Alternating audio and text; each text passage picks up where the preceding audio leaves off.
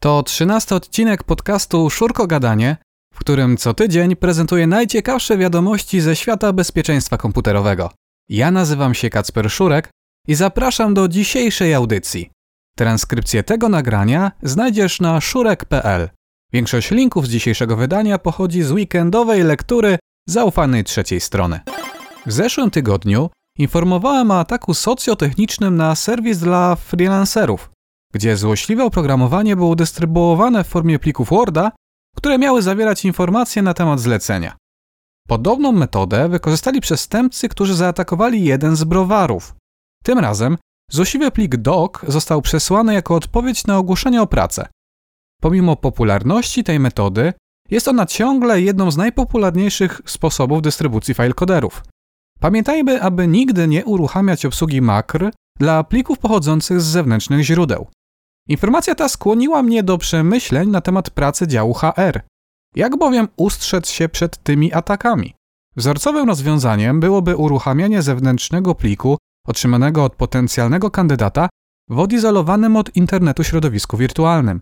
Z racji kosztów rozwiązanie to jest mało realne. Kolejną ideą jest zatem globalne wyłączenie obsługi makr w pakiecie Office. To rozwiązanie może być problematyczne, jeżeli w naszej firmie makra używane są w normalnych dokumentach ich obsługa jest konieczna. Może zatem format PDF? Co zatem z atakami Zero Day na Adobe Reader? Jak często aktualizujemy to oprogramowanie? Czy zawsze jesteśmy na bieżąco? A może używanie zewnętrznego serwisu do rekrutacji, w którym cała aplikacja wyświetlana jest jako plik HTML? A jakie wy macie pomysły na bezpieczne przeprowadzenie takiego procesu? Dajcie znać w komentarzach. W ONZ doszło do wycieku haseł oraz wewnętrznej dokumentacji z powodu błędnej konfiguracji na serwisie Trello. Jest to narzędzie służące do organizacji pracy. Działa ono jak wirtualna tablica, na której możemy dodawać nowe zadania. Projekty w Trello są zorganizowane w tzw. Tak boardy. Mogą być one prywatne albo publiczne. Badacz po odnalezieniu jednego otwartego zasobu zidentyfikował pozostałe używając sztuczki. Wystarczy bowiem wejść w profil użytkownika i sprawdzić, w jakich innych miejscach się on udziela. Jeśli i one są źle skonfigurowane, również do nich można uzyskać dostęp. To nie pierwszy raz w tym roku, kiedy podnoszony jest głos w sprawie zasobów udostępnianych na tej stronie. Niektóre firmy używają jej do wewnętrznego dzielenia się hasłami do baz danych, e-maili czy też serwisów społecznościowych. Co ciekawe, znalezienie takich wycieków jest bardzo proste. Wystarczy użyć odpowiedniego zapytania do wyszukiwarki. Publiczne strony są bowiem przez nie indeksowane. To dodatkowo zwiększa niebezpieczeństwo. Nie wystarczy bowiem zmienić widoczność strony na prywatną, ale również zmienić wszystkie hasła, klucze API i inne zasoby, które zostały zaindeksowane. Często wspominam w tym podcaście o dwuskładnikowym uwierzytelnieniu. Coraz więcej firm wprowadza to rozwiązanie nie tylko do logowania do serwisów internetowych, ale także do autoryzowania połączenia z pulpitem zdalnym w systemie Windows.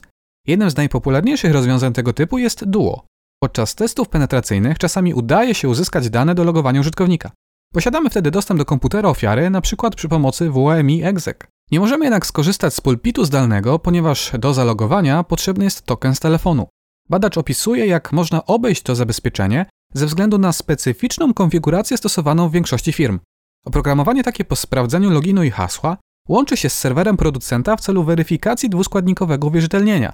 Co jednak w przypadku, kiedy serwer producenta nie odpowiada lub jest z nim jakiś problem? W tym też celu stosuje się rozwiązanie fail open. Jeżeli aplikacja autoryzująca zauważy, że nie może połączyć się z serwerem, wtedy logowanie przebiega bez dwuskładnikowego tokena. Atak jest więc następujący. Wystarczy zmodyfikować plik host tak, aby dla domeny producenta wskazywał na localhost. Jeżeli oprogramowanie wykryje problem z połączeniem, pozwoli na zalogowanie. Oczywiście dalej potrzebujemy danych użytkownika i uprawnień administratora. Kolejny przykład, że czasami decyzje biznesowe mogą wpłynąć na bezpieczeństwo firmy. Tworzenie aplikacji na Androida nie jest takie proste. Poziom trudności dodatkowo wzrasta, kiedy tworzymy menadżer haseł, który ma działać w tym ekosystemie. Założenie jest proste. Aplikacja ma podpowiadać zapisane hasło w przeglądarce oraz innych aplikacjach, które wymagają zalogowania. Ale jak rozpoznać, jakie hasło wyświetlić w danej aplikacji? Ze stronami internetowymi sytuacja jest klarowna. Każda z nich posiada bowiem unikalną nazwę domeny. Co zatem z aplikacjami na telefon? Spora część menadżerów do rozpoznawania aplikacji używa nazwy zainstalowanej paczki z racji braku innych rozwiązań. Problem wynika jednak z faktu, że w Androidzie nie można do końca ufać takim nazwom paczek. Możliwe jest bowiem zainstalowanie fałszywej wersji aplikacji, która będzie się legitymowała kradzioną nazwą. Wtedy to też menadżer haseł zacznie podpowiadać nasze zapisane dane w zewnętrznej aplikacji. Może więc dojść do kradzieży danych. I właśnie na tym polegało najnowsze badanie na jednym z uniwersytetów. Dodatkowo sprawdzono, czy menadżery sprawdzają wielkość okien, do których auto uzupełniają treść. Z punktu użytkownika bowiem, jeżeli okienko logowania ma 1 mm, najprawdopodobniej jest ono fałszywe albo nieistotne. Ale aplikacja tego nie wie. Tak samo jak nie rozróżnia kolorów. Interesujący, ale mało praktyczny atak. Dalej bowiem użytkownik musi zostać nakłoniony do instalacji zewnętrznej fałszywej aplikacji przy pomocy jakiejś socjotechniki. Prościej jest zatem podczas instalacji poprosić o szersze uprawnienia takiej aplikacji, niż liczyć na autouzupełnienie hasła z menadżera haseł. Osoby zajmujące się bezpieczeństwem, często widząc przykład ataków phishingowych, łapią się za głowę mówiąc: Ja nigdy nie nabrałbym się na ten atak. Ale czy na pewno? Od kilku dni można zaobserwować kampanię atakującą użytkowników strony Steam, czyli platformy dystrybucji cyfrowej gier. Po co komuś nasz dostęp do gier na naszym komputerze? Dla osób nieobeznanych z tematem, nie o gry tutaj chodzi, a o wirtualne przedmioty z tych gier, które w obecnych czasach mogą kosztować niemałą fortunę.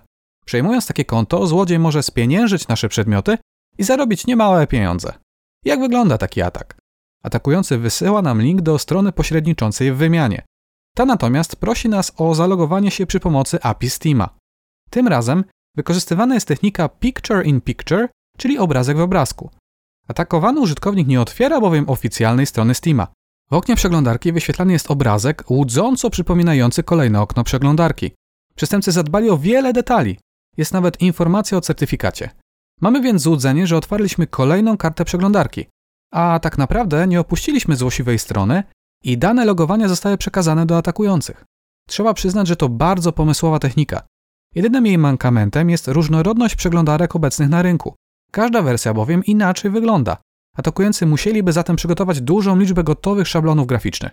Obecnie idą na łatwiznę i wszystkim wyświetlają okienka z Google Chrome. Zakładam jednak, że sytuacja szybko się zmieni. Przedstawiono wyniki badań na temat ataków DDoS na Uniwersytety w Wielkiej Brytanii. Próbowano tam odpowiedzieć, kto i dlaczego mógłby chcieć atakować instytucje edukacyjne. Widoczne są pewne schematy w atakach. Po pierwsze, słabną one na sile podczas wszelkiego rodzaju świąt oraz wakacji. Dodatkowo, zazwyczaj nie odbywają się one w godzinach wieczornych. Podano ciekawy przykład, dlaczego akademiki mogą zostać przedmiotem ataku. Wiele młodych osób gra teraz w różnego rodzaju gry online. Czasami, aby zwiększyć swoją przewagę nad przeciwnikami, wykorzystują oni ataki DDoS, aby przeszkodzić rywalom w dostępie do usług. Takie zachowanie często powoduje atak odwetowy. Innym częstym motywem jest próba demonstracji swoich umiejętności przed rówieśnikami. Pamiętajmy, że takie postępowanie jest nielegalne i nie warto ryzykować swojej kartoteki dla kilku sekund chwały przed kolegami. Wszystkie młode osoby pragnące przetestować swoje umiejętności powinny zainteresować się konkursami CTF oraz programami Bug Bounty, gdzie zupełnie legalnie można użyć swojej wiedzy i nauczyć się wielu ciekawych rzeczy. Facebook kilka dni temu poprosił sporą część swoich użytkowników o ponowne zalogowanie się do aplikacji oraz na swoją stronę. Powodem takiego stanu rzeczy było odkrycie luki w zabezpieczeniach giganta, która pozwalała na zalogowanie się na konto dowolnego użytkownika tego serwisu. Wykorzystanie luki przebiegało w trzech etapach. Na serwisie istnieje opcja Wyświetl jako, która pozwala na sprawdzenie, jak wygląda nasz profil oczami innego użytkownika. W specyficznych okolicznościach, kiedy dany użytkownik obchodził urodziny, na jego profilu pokazywał się nam przycisk umożliwiający wysłanie filmu na jego stronę. Przycisk ten zawierał token, który mógł zostać wykorzystany do zalogowania się na profil tej konkretnej osoby przy użyciu aplikacji mobilnej. Błąd ten istniał od pewnego czasu, a został dostrzeżony przez Facebooka, ponieważ przestępcy zaczęli go wykorzystywać na masową skalę. Cały proces musiał być zautomatyzowany. Trzeba było bowiem odnajdywać osoby, które obchodzą w danym dniu urodziny. Co najważniejsze, nie wyciekły żadne hasła żadnego użytkownika. Trzeba również pamiętać, że w tym wypadku zmiana hasła nie uchroniłaby nas przed błędem. Atakujący pozyskiwali bowiem token sesyjny, który jest osobnym bytem, niepowiązanym z naszym hasłem użytkownika. Jego znajomość pozwala jednak na dostęp do naszego konta. Stąd też decyzja Facebooka, aby zresetować tokeny 50 milionom potencjalnych zagrożonych użytkowników. Sytuacja ta pokazuje, że błędy zdarzają się nawet największym. Jak uzyskać nieautoryzowany dostęp do najbardziej strzeżonych serwerów na świecie? Jeżeli posiadamy nielimitowane fundusze, na myśl przychodzą dwa rozwiązania. Pierwsze, zakup nienaprawionych i nieznanych jeszcze wcześniej błędów typu Zero Day. Jeżeli jednak zależy nam na niewykryciu naszych działań przez dłuższy okres czasu, pozostaje ingerencja w sprzęt elektroniczny. I tutaj znowu do wyboru są dwie możliwości. Pierwsza to ingerencja w gotowy produkt w momencie jego wysyłki do klienta końcowego. Podczas transportu przechwytuje się taką paczkę i odpowiednio modyfikuje jej zawartość. Druga opcja to wprowadzenie modyfikacji bezpośrednio w fabryce, jeszcze przed momentem, kiedy produkt trafi do producenta. I właśnie taka sytuacja miała miejsce w serwerach jednego z producentów, gdzie na płytach głównych podczas produkcji pojawił się jeden malutki, drobny element wielkości końcówki ołówka. On to służył jako backdoor sprzętowy i umożliwiał dostęp do serwerów z dowolnego miejsca na świecie. Ataki tego rodzaju są bardzo trudne do wykrycia. W dzisiejszych czasach, gdzie każdy komputer i procesor składa się z milionów drobnych części, niezwykle trudno rozróżnić, czy dany komponent jest częścią układu. Jedynym pocieszeniem jest fakt kosztów takiego ataku. Zwykły Kowalski nie ma się bowiem czego obawiać. Google zmienia regulamin hostowania rozszerzeń do przeglądarki Chrome w ramach Chrome Web Store. Najważniejsza zmiana to zakaz obfuskowania kodu źródłowego rozszerzeń.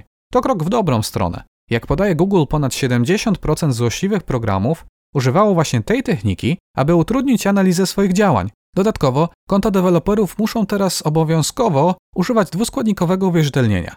Ma to utrudnić podmienienie legalnych rozszerzeń na fałszywe, jak to miało miejsce m.in. w przypadku ataku na MegaNZ. Dodatkowo, dodatki, które wymagają wysokich i niebezpiecznych z punktu widzenia bezpieczeństwa uprawnień, będą musiały przechodzić dodatkowy proces weryfikacji. Firma chce się szerzej przyjrzeć zwłaszcza tym podmiotom, które wykonują kod pochodzący z zewnętrznych domen. I to wszystko w dzisiejszym odcinku. Zapraszam do komentowania i subskrypcji kanału Kacper Szurek na YouTubie. Do zobaczenia już za tydzień. Cześć!